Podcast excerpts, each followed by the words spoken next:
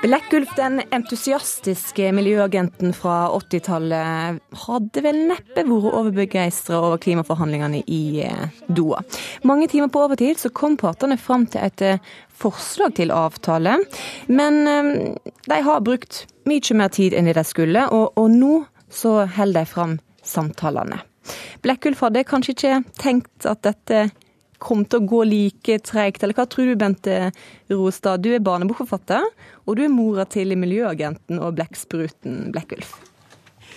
Ja, jeg tror nok at Blekkulf ville sagt 'bruk hodet, vi har bare én klode'. Mm. Og som en av de miljødetektivene skrev til han en gang, så sa de at eh, først når folk forstår at eh, eller hvor, hvor, det ikke er mer rent drikkevann, og det ikke er mer mat som ikke er forurenset, eller fisk, så vil de forstå at penger kan ikke spises. Mm. husker jeg sa. Så det med verdier, jeg tror det handler om at penger ikke er det høyeste målet, men at det er helt andre verdier som må stå høyest. Men Blekkulf vil ha litt fortgang. Reporter Eivind Molde, du følger møtet i Doha for NRK, og du har selvsagt Blekkulf-øynene på deg. Hva, hva er det som skjer der nå? Ja, Endelig så skjer det litt. Det har jo vært veldig eh, spent i formiddag på når det faktisk ville begynne å skje ting eh, her nå. fordi at Det ble lagt fram et forslag som du sa tidligere. Det har gått fire og en halv time nå og etter at plenumsmøtet skulle begynne. Eh, men eh, ingenting har skjedd. Det vil si det har skjedd litt i kulissene. da, og det er at eh, Bård Vegar Solhjell og andre ministre, og Harald Dovland også fra eh, den norske delegasjonen, har stått i møte med presidenten for konferansen, altså den som har ansvaret for eh, å styre hele denne her eh, FN-konferansen. Og Det som skjer er at De hadde et møte nå for å prøve å dra dette mest mulig sammen, slik at det ikke skal bli så veldig mye diskusjon når det store store plenumsmøtet nå skal eh, begynne. Og Jeg eh, pratet med Bård Vegar Solhjell like etter at han hadde hatt dette møtet med sjefen for hele konferansen, like før plenumsmøtet skulle begynne. Solhjell han tror eh, at selv om de nå var der for å prøve å bli mest mulig enig, så vil det gå lang tid utover ettermiddagen før det kommer en avklaring. Jeg tror det blir et langt møte, der veldig mange land vil ta opp sine ting. Eh, det er det jeg er mest fornøyd med. Eh, forhåpentligvis vil andre forsvare balansen det som er. Jeg vil bl.a. gjøre det.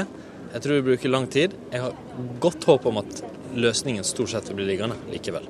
Du tror at eh, en vil kunne komme til en konklusjon i løpet av dagen? Jeg tror at i dag eller kveld eller utpå natta så får vi Kyoto 2. Og vi får en totalløsning her i Doha som er, ligger nær der vi er. Men jeg veit langt fra. Eh, frykter du også innst inne eh, kaos? Ja, jeg frykter at det kan i hvert fall bli veldig lange, tøffe runder. Det er en reell risiko, vet vi, for at noen vil hoppe av si nei òg. Men jeg har likevel ganske god tro på at vi får Kyoto 2, fordi fordi altså, miljøet trenger det, klimaet trenger det. og Tross alt er det veldig mange land her, det dominerende flertallet, som ønsker en ny avtale og gode løsninger. Hva blir din rolle og hva er din strategi nå på dette plenumsmøtet? Jeg kommer til å gjøre særlig to ting. Jeg kommer til å forsvare den Kyoto- og 2-avtalen vi nå har lagt fram, mot de som er kritiske, forsvare, forklare hvorfor vi har gjort det. Så vil jeg være en av de som tar til orde for at vi skal kjøpe den pakken som er her, og ikke si nei med alt det kaoset og manglende løsningene det vil gi. Nå skal altså Solhjell og resten av gjengen begynne å, å prate mer, Eivind Molde. Det, det blir tøffe tak, sier, sier Solhjell. Hva er det de er så uenige om? Og Det er veldig veldig mange ting. Det er mange detaljer som vi får uh, veldig for langt å ramse opp her, men uh, det handler jo egentlig om tre ting. Dette. Jeg ser forresten bort på skjermen akkurat nå, og det ser ikke ut som de akkurat har begynt ennå. De skulle begynne 12.30, men når det nå endelig kommer i gang, så er det bl.a. Altså denne Kyoto 2-avtalen som uh, Solhjell snakker om. Det er altså den eneste forpliktende avtalen vi har i dag som, om utslipp av klimagasser. Den går ut 31.12. i år. Og Solhjell og den brasilianske kollegaen hans har jo fått i oppdrag å dra dette i land. og Han er optimistisk, som vi hører. Det er det ene. Der er det mange detaljer de er uenige om fortsatt. Og så er det to andre viktige ting. En helt ny avtale Eh, internasjonal klimaavtale skal etter planen bankes i 2015, eh, og den skal tre i kraft i 2020. Eh, og Etter at denne Kyoto-avtalen som det nå blir enige om, eh, får vi tro, eh, går ut. Så den nye langsiktige, store avtalen er også et tema. Der har de lagt en plan, men ikke så veldig konkret. Og Det siste er finansiering. 100 milliarder dollar skal de rike landene bla opp med. Det har de lova for å hjelpe eh, fattige land med, med å tilpasse seg klimaendringer osv. Jeg vet at både Storbritannia og Tyskland har kommet med løfter om penger her. men i grunnen har det gått litt tregt, til det også. Så det er liksom disse tre punkter de har framfor seg nå når de går inn i det store møtet. Nå må de bare sette i gang og, og, og samtale så de kommer fram til en løsning. Takk skal du ha, Eivind Molde. Eline Gamaka, du er en av de som lot deg virkelig engasjere av miljøsaker på 80-tallet, og du var Blekkulf-agent. Hvor engasjert har du vært eh, rundt eh, klimamøtet i Doha? Ja, det kan du si. Altfor lite, selvfølgelig. Det, det blir jo veldig stort og veldig uangripelig veldig litt konkret. Det er vanskelig å forstå hva de egentlig snakker om. Og spesielt når de skal fortelle hva de har snakket om, så sier de det er veldig mange detaljer, sånn som vi hørte i innslaget nå, mm. som vi ikke går inn på. Og da er det veldig vanskelig å forstå hva de egentlig snakker om. Mm. Og det er sånn, når vi var barn, så var det veldig lett å være eh, aktiv, fordi da handlet det om å skru av motoren og ha full vask når du vasket opp, og lufte med store vinduer og sånne ting. Mm. Og det kan vi liksom få til. Men eh, det er litt vanskeligere å skjønne hvorfor det tar så lang tid, mm. når vi ser det så tydelig at eh, det er noe vi trenger nå, da. Så du har mista litt av det der Blekkulf-engasjementet ditt? Ja, man blir jo så dødelig. Man blir jo så Man ser jo at det Eller man mister engasjementet i det at det, det tar for lang tid. Mm. Bente Rostad, mammaen til Blekkulf. Hva har skjedd med Blekkulf-generasjonen? De var så engasjert, og nå er de litt sånn øh, Hjelper det? Det som gjør meg veldig trygg og glad, det er jo fordi jeg vet at det er så mange eh, som er voksne nå, og som har et hjerte for miljøet, og som er gode venner av Blekkulf, og som jobber i Bellona, jobber med marinbiologi og, og, og alt. Eh, så jeg, jeg, føler på en måte at, eh, at det er like før. At eh, nå sitter sånn Blekkulf-generasjonen på en del eh, ledende stillinger og kan ta avgjørelser. Eh, og at de har fått unge unger selv som de skal gi drømmer og, og verdier videre til. Mm. Så, så, du gir ikke opp? Det gjør jeg ikke. Men, men hadde, det, hadde, det, tror du, gått raskere eller blitt bedre resultat f.eks. nå på klimamøtet i Doha dersom det hadde vært flere Blekkulf-agenter i, i panelet der? Ja, jeg tror at, og heldigvis det er jo en del jeg har sett fra Natur og Ungdom som er der nede. fordi at når man er ung, og det er det ungdommelige man må prøve å beholde, det barnet i seg, som er mer sånn kompromissløst og som er optimist. Fordi jeg tror at hjernen den lager kreative løsninger til det målet du har. Så det er så viktig at du har det målet, fordi da kan du til og med våkne om morgenen med en god idé. Enten du da er ingeniør eller om du er skolelærer eller hva du er, så er det så viktig hvilket mål vi har. For det er det hjernen hele tiden, bevisst eller ubevisst, jobber mot. Mm. Men Eline Gamaka, tenker du at det, det er altså, det, det, du gjør hjemme, ikke hjelper fordi du ser at de sitter jo og krangler på de toppmøtene, og de blir ikke enige der heller. Er det, er det, sånn du føler det? Altså, det som er at det er jo kanskje ikke så farlig, da, om det går en epleskrott i den blå posen eh, lenger. Fordi at eh, så lenge Kina ikke er med, og så lenge det er dundrer rundt med svære bensinbiler i USA overalt, så har det veldig lite å si. Men, og det er jo klart at jeg ville tatt det veldig mye mer alvorlig hvis jeg visste at dette her Det, jo, det spiller en stor, uh, stor, rolle. Det blir jo som at det er en liten lek, det jeg driver med, mm. i forhold til resten. Men eh, det er klart, altså, det er jo Det å være oppvokst med disse verdiene gjør jo at dette sitter i ryggraden. Og det er jo med hele tiden. Jeg veit når jeg gjør feil. Jeg veit det veldig, veldig godt. Og jeg går stadig rundt med dårlig samvittighet for å ta feil valg. Og skulle absolutt ønske meg mer tid og overskudd til å bruke mer ressurser til å være flink til det. Mm. Men, ja. men, hva hjelper det at, Eline prøver å resirkulere når, når veldig mange andre land i verden bare ikke bryr seg? Jeg tror jo da på hva én og én gjør. fordi at det er, vi er ingen av oss må man si at én alene kan ingenting gjøre, sier hundretusener, er et sånt uttrykk. Og, og, jeg tror jo at Jeg tror du også er veldig flink. Ja. Jeg tror det er derfor du irriterer deg over de tingene som du kanskje da ikke får til.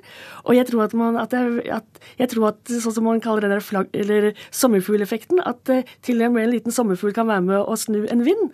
Og, og, jeg tror at, eh, ja, at, hvis Obama sier at eh, det er ikke lov å ha biler med fossilt brensel om to år, eller fra 2015, så er det pling, så er det store problemet som virket helt uoverskuelig, så er det borte. Mm. Og, og, det samme med eh, kineserne. Man tenker å, tenk om alle kineserne får et kjøleskap, eller om de alle får bil.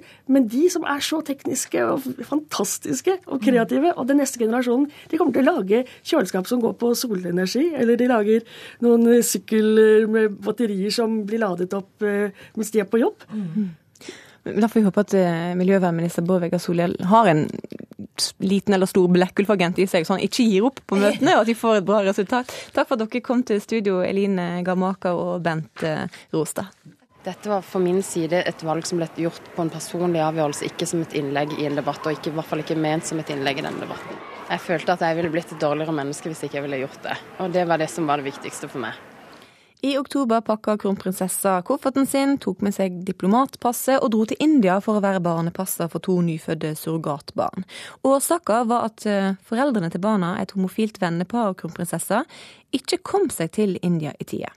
Typisk norsk i utlandet er å møte på en nordmann eller to, og da må en jo slå av en prat med dem. Mette-Marit hun møtte Gøran Grønstad, og ble kanskje litt paff da hun innså at eh, han var journalist fra Haugesunds Avis.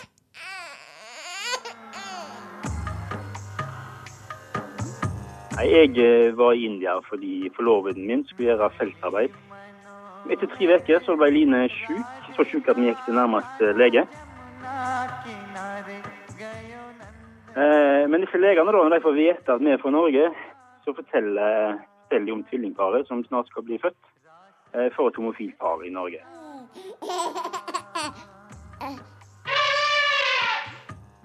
Denne morgenen, da når, når vi traff kronprinsessa, så, eh, så, gikk vi til legen som vanlig, og da får vi vite at tvillingene er født, og at eh, fedrene ikke har fått visum.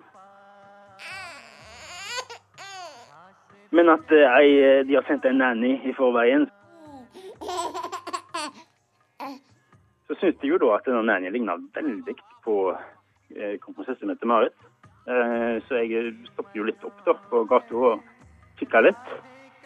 Og ser vel da at det er, er kronprinsessa. Så blir jeg sikkert stående såpass lenge at hun blir eh, var at jeg står og ser på henne. Så hun snur seg.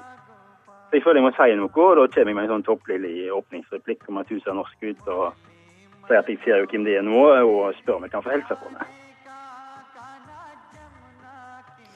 Ja, da Gøran Grunstad han fikk helse på Mette-Marit, han, og da ble det sak både i Haugesunds Avis og flere andre steder. Journalist og samfunnsdebattant Per Ståle Lønning, du er med oss på telefon fra Gran Canaria. Hvordan reagerte du på Mette-Marit sin India-tur? Nei, jeg eh, reagerte sterkt i eh, negativ eh, lei. Altså, mm, dette er jo å ta del i noe som i Norge er ulovlig.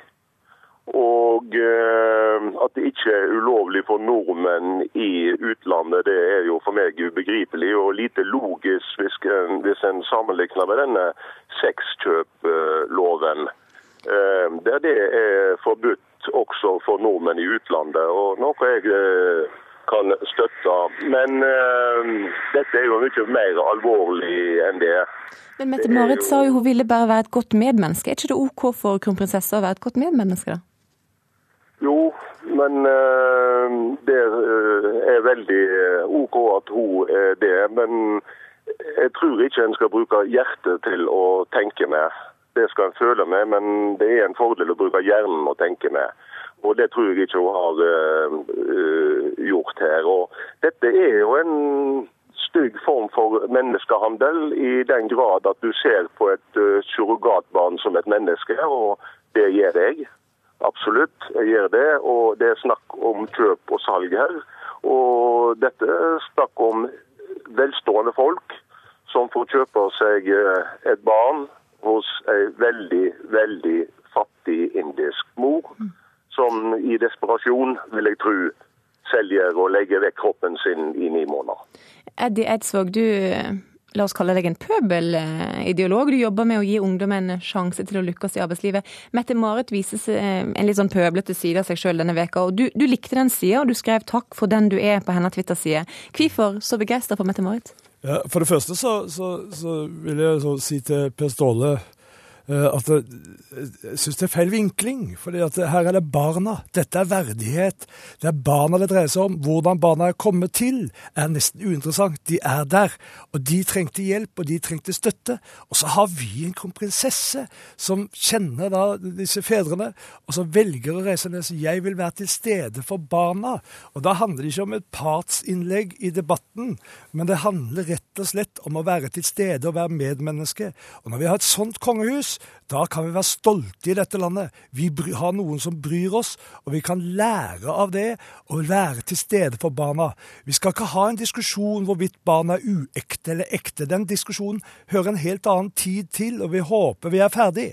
Altså Hvor vi snakker om det er lovlig eller ikke lovlig. Barna er født. Barna er aleine. Barna ligger der og trenger støtte og hjelp. Og så har vi ei kronprinsesse som sier 'jeg kan faktisk reise'. Det er helt fantastisk. Jeg blir, jeg blir varm om hjertet. Jeg møter hver dag ungdommer i Norge som ikke har hatt foreldre som har stilt opp for dem, eller hatt andre som har stilt opp for dem. Og da er det, det er det det dreier seg om. Mm. Det er en verdighet. Og jeg så Grimstad i VG i dag som går ut. Fy søren, for en kødd! Han kan ikke gå ut og si at dette ikke er verdighet. Det er barna det dreier seg om. Lønning. Jo, det handler, eh, Eddie, det handler om et veldig sterkt partsinnlegg i en veldig ømfintlig eh, debatt. At kongehuset blander seg inn i surrogatidebatten med å delta aktivt eh, på den ene sida, det er et partsinnlegg. Og det partsinnlegget skulle vi gjerne vært foruten. Men skulle Holof-barna ligge der, Per Ståle Lønning? Per Ståle, de barna er ikke partsinnlegg. De barna er resultat av en handling. Hva handlingen har vært, om den har vært lovlig eller ikke lovlig, det er helt nesten uinteressant. Barna er der, og det er det Mette-Marit tar stilt på. Barna er der. Og barna er helt uvitende om uh, det de har vært med på. Og alle alle har et hjerte for disse barna. Det er ikke det Men det er ikke alle som stiller opp. Det er det som er poenget. Hun, hun stilte opp. Hun brukte både hjerte og hode, og handlet og stilte opp. Og det er en fantastisk handling. Hadde vi en, enda flere kunne gjort det, altså. Men er det, Eidsvåg, det, jo, altså, det, det, er greit at det er vanskelig å angripe noen som, som vil hjelpe små barn, og som vil hjelpe vennene sine, men vi må ikke ha klare grenser for det kongelige? Hva de kan gjøre? Nei. Ikke når det gjelder barn. Da skal man være til stede og stille opp for barn. Hvis de kongelige hadde nekta å stille opp for barn, da hadde de ikke hatt noe respekt for dem. Så de kongelige kan gjøre egentlig hva de vil så lenge når det handler om barn? Ja, ikke bare de kongelige. Så lenge vi gjør går barnas sak, og så lenge vi slåss for barna og stiller opp for barn, så kan alle gjøre hva de vil så lenge det er riktig for barna. Eddie så var inne på dette her med Carl Erik Grimstad, eh, som i VG i dag eh, kritiserer kronprinsessa og sier at hun ødelegger for kronprinsen. Hva, hva, tror du om det, Per Ståle Lønning? Jo, jeg tror jo ikke dette er ei samlende handling, hvis eh, Slottet, i den grad Slottet skal samle det, det norske folk. Det er veldig splittende. Flertallet i Norge, etter det jeg har fått med meg av målinger, er motstandere av surrogati. Eh, dette er en debatt som riktignok også rører hjertet, men vi må ta den med hjernen. Og at alle skal være snille og gode, det er noe vi alle vil. Men uh, som jeg sa, uh, en kan ikke tenke med hjertet. Og her er det andre enn Mette-Marit som kunne fått henta uh, disse, disse, barna. Hun var ikke den eneste. Hun var faktisk den eneste som ikke burde gjort det. Er det et Eidsvåg, på Twitter skrev du til Mette-Marit takk for den du er. Hva svarte Mette-Marit deg? Nei, jeg har ikke fått noe svar på, har ikke fått noe svar på det. Kanskje svare deg. Jeg, jeg gleder meg til å treffe henne. Det skal jeg gjøre 19.12. på Slottet. Skal jeg på Slottet på juleball. Og da skal jeg håpe for å gi henne en god klem og takke for at du stiller opp for barn. Og de åpner kongehuset åpner Slottet for 200 ungdommer, barn og ungdommer til et juleball hvor kongen og dronningen inviterer barn og ungdommer som ikke har blitt sett på samme måten. Du hører en podkast av NRK Ukeslutt. Hold fram med det å høre at i 2002 varsla hun om menn som ikke oppførte seg som de burde i Arbeiderpartiet. Denne veka har Anniken Huitfeldt stått midt i Roger Ingebrigtsen-bråket. Og ja eller nei til skolegudstjeneste? Jeg vil heller skrape tyggis av stoler enn å dra i kirka, sier elev. Mange har visst, og flere har sagt ifra. Likevel så skjedde det ikke noe. To kvinner i Arbeiderpartiet i Tromsø sier at de har blitt utsatt for sexpress fra tidligere statssekretær Roger Ingebrigtsen. Reporter Ida Tune Øresland dro til Tromsø for å finne ut hvorfor så mange har visst, men ingenting har skjedd. Ja, om vi ikke har vært naive, så har vi i hvert fall vært litt fake. Det vil jeg si. Det har vi vært. Vi har ikke vært modige nok. Vi har ikke vært voksen nok. Og det var det som slo ned i meg, at nå må du som en snart gammel mann, altså, nå må du manne deg opp og, og, og, og ta rev i seilene og vise hvor, hvor, hvor, hva som egentlig er det riktige i denne saken. Jo da, jo da. Jo da, han har trukket seg. Kommunestyrepolitiker for Arbeiderpartiet i Tromsø, Sven A. Nilsen, angrer. Jeg må ringe deg tilbake. Ja. I 2010 fikk han vite om det som nå er blitt allmennkjent. Ja, jeg var på et møte uh, i uh, partiet. Der var det noen jenter som fortalte meg om Roger Ingebrigtsen og hans måte å omgås uh, unge damer på. Jeg ble sjokkert og, og, og urolig. Uh, og det var jo en nominasjonsprosess, der her, så jeg følte at uh, det her måtte jeg fortelle videre, i hvert fall til nominasjonskomiteens leder. Det gjorde han, men så skjedde det ikke mer. Og det jeg ikke gjorde, som jeg siden har angra dyrt, det at jeg ikke brakte det videre til fylkespartiet som ei bekymringsmelding. For det kunne ha spart uh, mye lidelse. Vi er på vei inn døra på partikontoret til Arbeiderpartiet i Tromsø.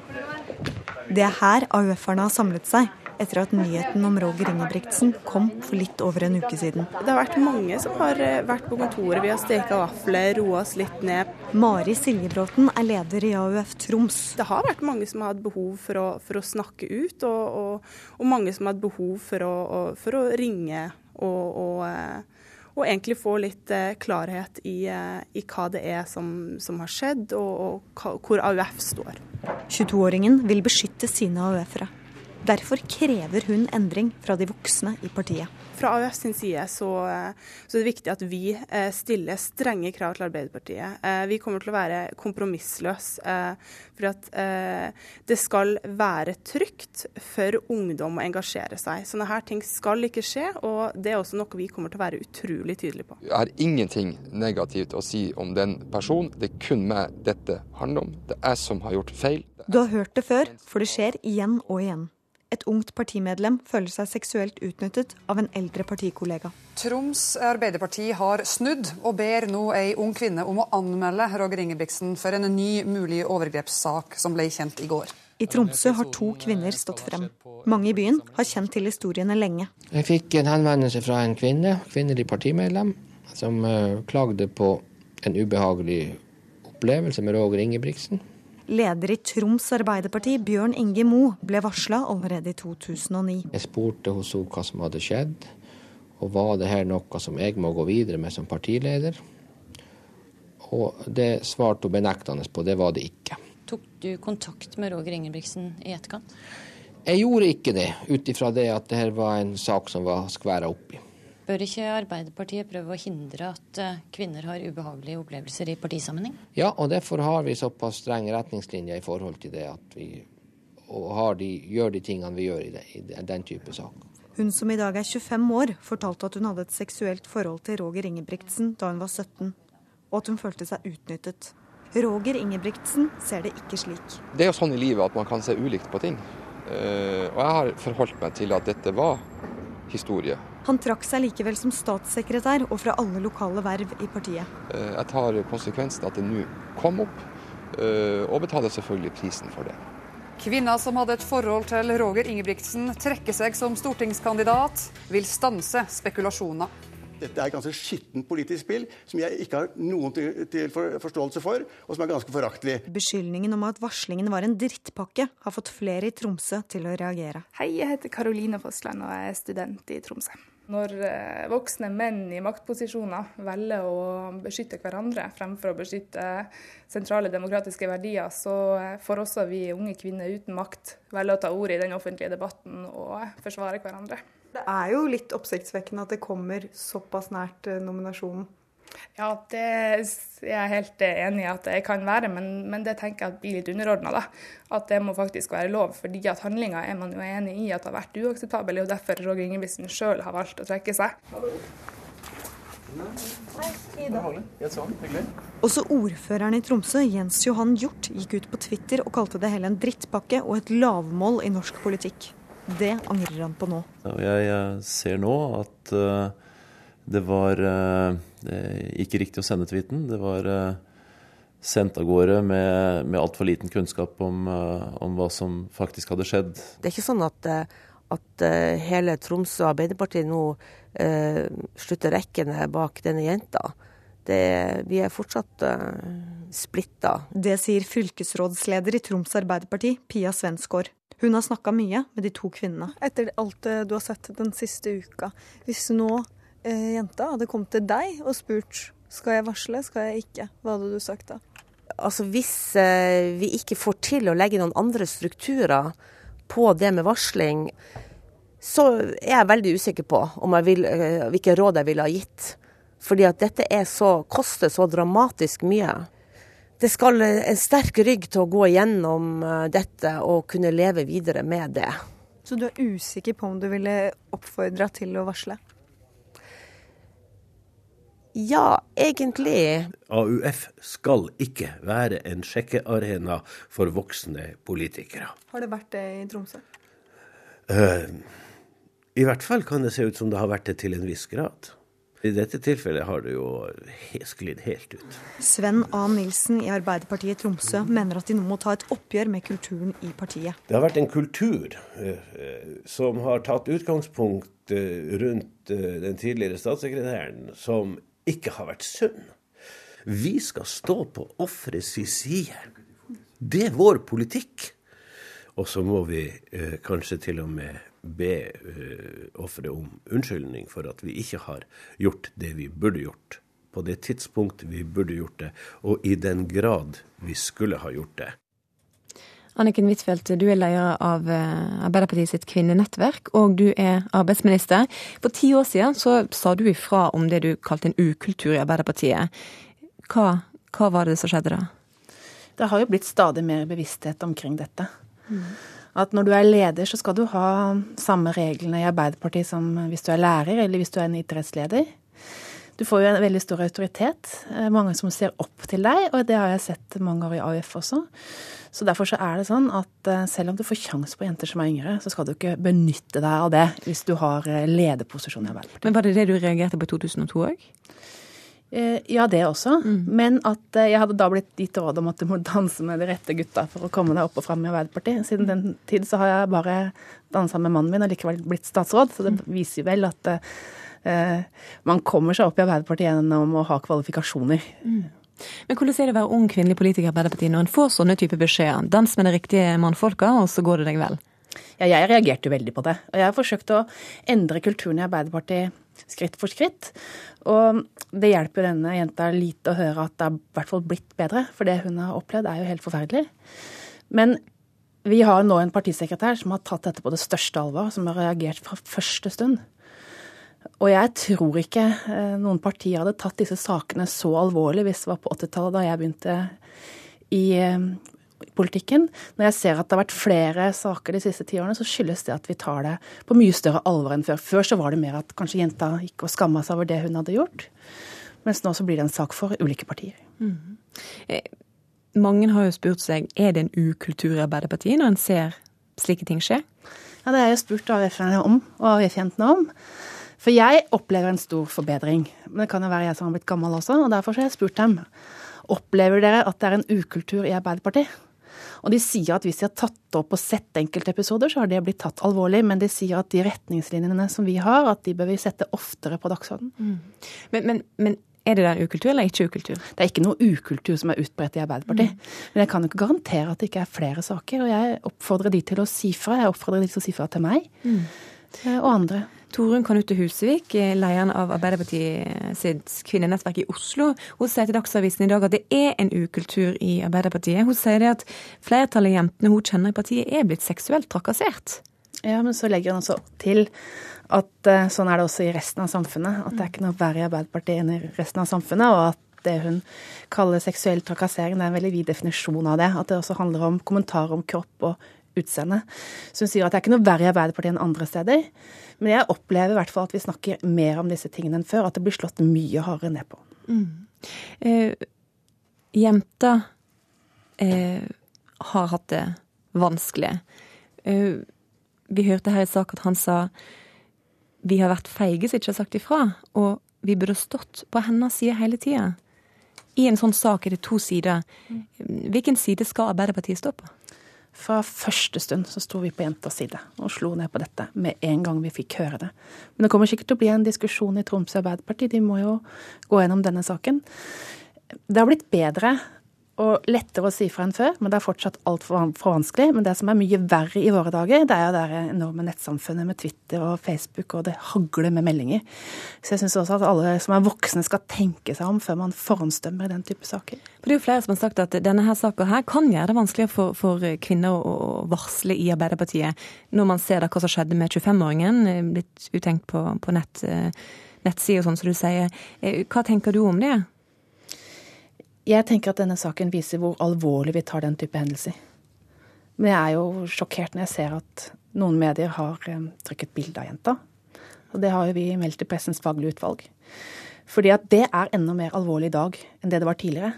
At du blei uthengt med navn og bilde når vi hadde papiraviser, det er nå én ting. Men når vi har nettet, hvor dette er søkbart for alltid, så er det svært alvorlig. Mm. 25-åringen sa ifra, du sa ifra i 2002. Hvordan eh, reagerte folk på at du sa at eh, du ikke ville danse med andre enn mannen din for å stige i gradene? ja, altså det var jo noen som blei eh, sinte og sa at hvem var det som gadd å danse med meg? Det måtte være en drita full person. Mm. Så da fikk jeg bevist at jeg hadde litt sant i det jeg tok opp. Jeg har jo jobba med dette siden jeg blei med i AUF. Og jeg fortsatte å jobbe med dette etter at jeg blei med i Arbeiderpartiets kvinnenettverk, men vi kan hele tiden forbedre oss. Mm. Og de unge jentene må gi oss beskjed. Men Du sier at eh, dere tar dette på alvor, men jeg kan likevel ikke vite om det skjer mer. Mm. Tror du det dukker opp flere sånne saker? Det kan det gjøre i Arbeiderpartiet og andre partier. Jeg skrev en kronikk i Dagbladet i mars da saken i Venstre sprakk. Og da sa jeg at jeg kan jo ikke utelukke at dette kan skje i mitt eget parti. Og da den saken om Terje Søviknes sprakk i 2001, så sa jeg at dette kunne skjedd også i flere partier. og Da var det mange som ble sjokkert og lurte på er det sant. Mm. Og jeg sa at ja, det kan hende at folk med maktposisjon misbruker den maktposisjonen. Mm. Eh, denne veka hadde du møte med AUF, og du sa det at vi skal ta eh, det her eh, regelverket vårt eh, opp, løfte det fram, snakke mer om det. Torunn Kanutte Husvik sier til Dagsavisen at hun etter denne saka sprakk, tok og ringte 45 eh, menn i Arbeiderpartiet og spurte om de hadde blitt informert av partiet om, om, eh, hva som er greit, og hva som ikke er greit. Og så var det ingen av de som hadde blitt informert om det. Hva, hva sier det deg? Det sier for meg noe om at du trenger ikke å dra på kurs for å vite hva som er akseptabelt i Arbeiderpartiet. Altså en, en mannlig politiker i topposisjon skal ikke bruke AUF som noe sjekkearena. De trenger ikke å gå på kurs for å skjønne det. Så ikke, det er ingen som trenger å ha en samtale med de mm, karene og, gi beskjed? Jeg kommer til å ta opp dette enda mer i partiet. Jeg har gjort det gjennom flere år, men det er klart at denne saken viser at vi må sette det enda oftere på dagsordenen. Mm. Kvinner fortjener en årsaking fra Arbeiderpartiet, hørte vi i saka. Vil du gi henne en årsaking? Det er jo dypt beklagelig det hun har opplevd. Men hun sier også at hun har blitt godt tatt vare på av Arbeiderpartiet etter at hun meldte fra om saken, og at vi tok det på stort alvor. Eh, så jeg syns ikke det er naturlig at Arbeiderpartiet sentralt eh, kommer med en offisiell unnskyldning, men vi må jo si at det er sterkt beklagelig at hun har opplevd det i Arbeiderpartiet. Mm. Takk til deg, Anniken Huitfeldt. Mm.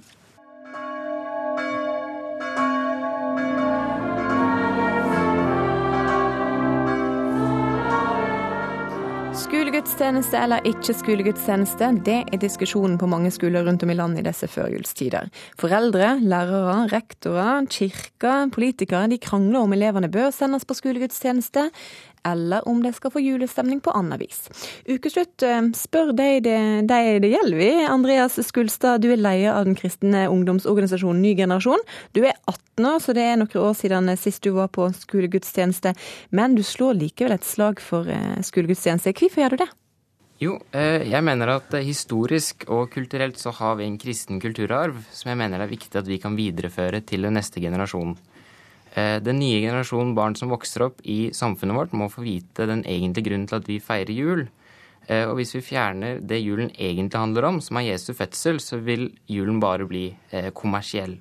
Og da tror jeg at vi vil oppleve et mye fattigere samfunn. Hvordan er det for deg å gå på julegudstjeneste? Ja, julestemning er helt helt klart til stede. Og så er det eh, veldig høytidelig. Eh, og, eh, og, jeg føler at, at, at, det er dette julen handler om, da. Mm. Leika Camilla Solhaug, du er sentralstyremedlem i Humanistisk Ungdom. Du er òg 18 år. Mm. Men du vil ikke ringe jula inn på skolegudstjeneste. Hvorfor ikke? Nei, fordi jeg tenker at skolen skal være for alle, uten tvil eller tro. Uh, og at uh, jeg syns skolen er ekskluderende pga. at uh, de som da ikke tror eller har en annen tro, blir da ekskludert fra denne juleavslutningen. Det, det, er ikke så veldig gøy å være den personen da som ikke tror eller ikke har lyst til å gå i kirka. og stå igjen da på skolen mens du ser alle andre gå da til kirka til felles. Hvordan er det å stå igjen? Uh, det er ikke veldig koselig. Det er det ikke. Det er mer sånn at uh, du blir ikke med i uh, det lille fellesskapet, da. Og skolen er da en av de største sosiale bidragene da, til hvordan vi skal være. Og da syns de skal De skal da inkludere alle sammen. Mm. Men de som ikke drar på skole, altså julegudstjeneste, hva gjør de? Uh, og så Jeg har opplevd da at vi uh, ikke gjør noen ting, egentlig. Uh, ikke har en avslutning for oss, da. vi sitter igjen på skolen og venter på de andre. enten så kanskje vi får noen oppgaver, matteoppgaver vi skal sitte og løse siste skoledag. eller at vi må rydde til da fellessamling og eller har hørt eh, andre historier fra andre folk, at eh, de må faktisk skrape tyggis av da skolebenkene. Ikke så veldig julete, kanskje. Andreas, hvorfor kan ikke en finne noe som alle kan gjøre sammen? Ja, altså Det som du beskriver her, er jo negativt. Eh, altså, det må jo være, Da må jo skolen legge opp til at det skal være et godt opplegg for de som eh, velger å ikke være med. Eh, og det er jo klart at det skal jo heller ikke være noe press. altså De som av personlige årsaker eh, ikke ønsker å være med, skal jo selvfølgelig eh, ikke være med. Eh, men eh, jeg tror at, eh, at, vi kan bruke vår egen eh, historie, kultur og religion til å fremme integrering også, og at vi kan være stolt av oss selv og vår identitet. og, jeg tror at det vil være helt umulig å, å oppnå et helt livssynsnøytralt samfunn. Ja, men uh, det som er, er at uh, det er greit nok at uh, skolen har lyst til å da fremme kirke og fremme da religion, men jeg syns ikke det skal være skolens avgjørelse at barn da på ungdomsskolen eller barneskolen skal da bli tvunget til å gå på kirke. For hos noen skoler så er det faktisk påbudt å dra til kirka.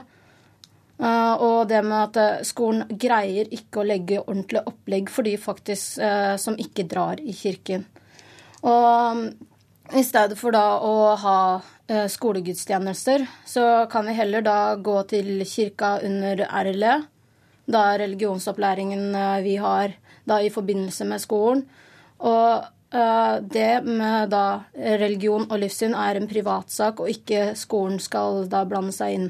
I et eh, samfunn hvor familien eh, stadig får svekket sin posisjon, eh, så får skolen eh, eh, stadig en viktigere posisjon. Eh, og ikke bare som en læringsinstitusjon, men også som en kulturformidler. og jeg mener at skolen må videreformidle de verdiene og de tradisjonene som vi setter høyt i samfunnet Eh, og at det derfor er viktig at skolen gjennomfører eh, gudstjenester. Leker, ikke det, går ikke du glipp av mye kultur når du eh, dropper kirka og heller skraper tyggis? Eh, nei, for eh, jeg lærer jo da via andre ting. vi har jo da massevis av læring av kristendommen i RLE. Og man får uansett da innspill om kristendommen fra forskjellige vinkler, siden vi bor i det landet som vi gjør. Hva gjør du for å få julestemning i år, Andreas? Eh, jo, jeg har lagd en sånn Spotify juleliste. Mm. Eh, og så skal jeg på julegudstjeneste. Mm. Eh, spise masse klementiner, og så skal jeg bake pepperkaker sammen med familien. Mm. Leika, hva gjør du for å få julestemning? Um, kjøpe gaver til venner. Og tilbringe tiden sammen med godtfolk som står meg nært. Mm. Kanskje litt pepperkaker, du òg? Ja. Ja, dere er iallfall enige om det. Takk til deg, Leika Camilla Solhaug og Andreas Skulstad. Gleder du deg til eh, Herman van Rompuy kommer til Norge? Jeg har ikke peiling på hva det er engang. hva forbinder du med José Manuel Barroso? Jeg gjetter han er en forfatter. Gleder du deg til Martin Schulz kommer eh, til Norge? Jeg vet ikke engang hvem det er. Herman von Rompuy. Det er nok litt for moderne for meg. Ja, hvem er egentlig Herman van Rampi og José Manuel Barroso og Martin Schulz? Det er de tre presidentene i EU som kommer til Norge i morgen for å motta Nobels fredspris. Og når Oslo får så fjongt besøk, da er det travelt, kan du tro. Ukeslutt sin reporter Jelena Kabo ble med på de siste forberedelsene.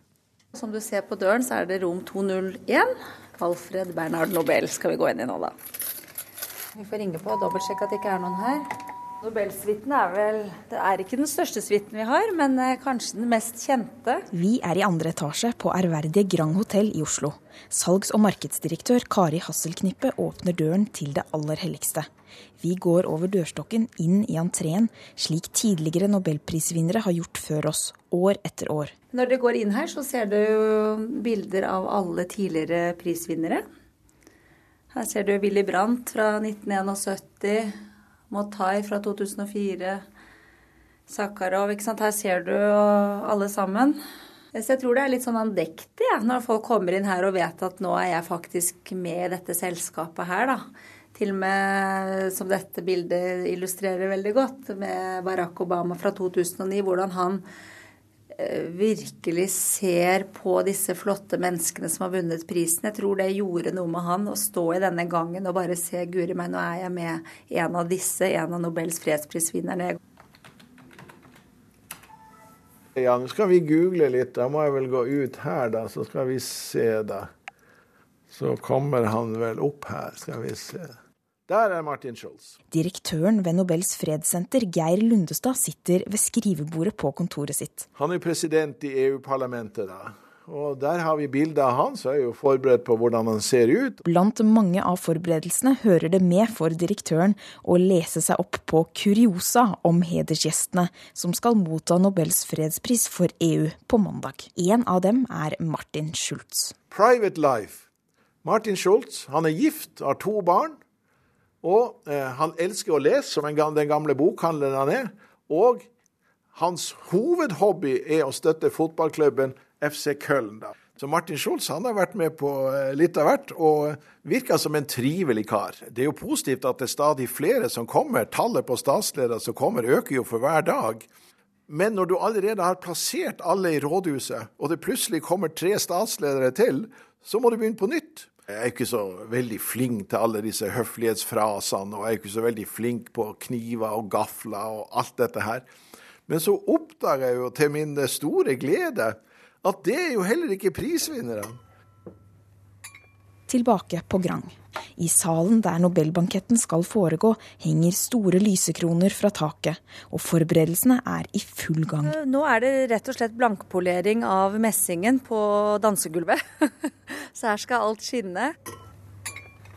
Dette er jo et helt spesielt servise. Det er Nobelservise. Det er jo flott gull på kanten. Eh, og som du ser på dekkasjetten, så er det da også et bilde av Alfred Nobel i gull. Bestikket også er jo i gull. Hei, Jørn. Hei. Dette er kjøkkensjefen da, som kokkelerer og er ansvarlig for alt vi skal servere denne kvelden. På kjøkkenet jobbes det på høygir med forberedelsene til banketten.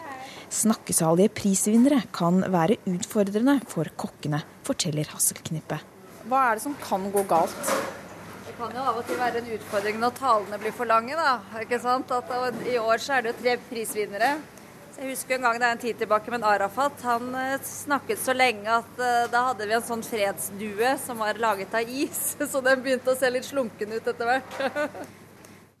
da får vi håpe at fredsprisvinnerne holder korte taler, så ikke det blir noe stress for Nobelkokken.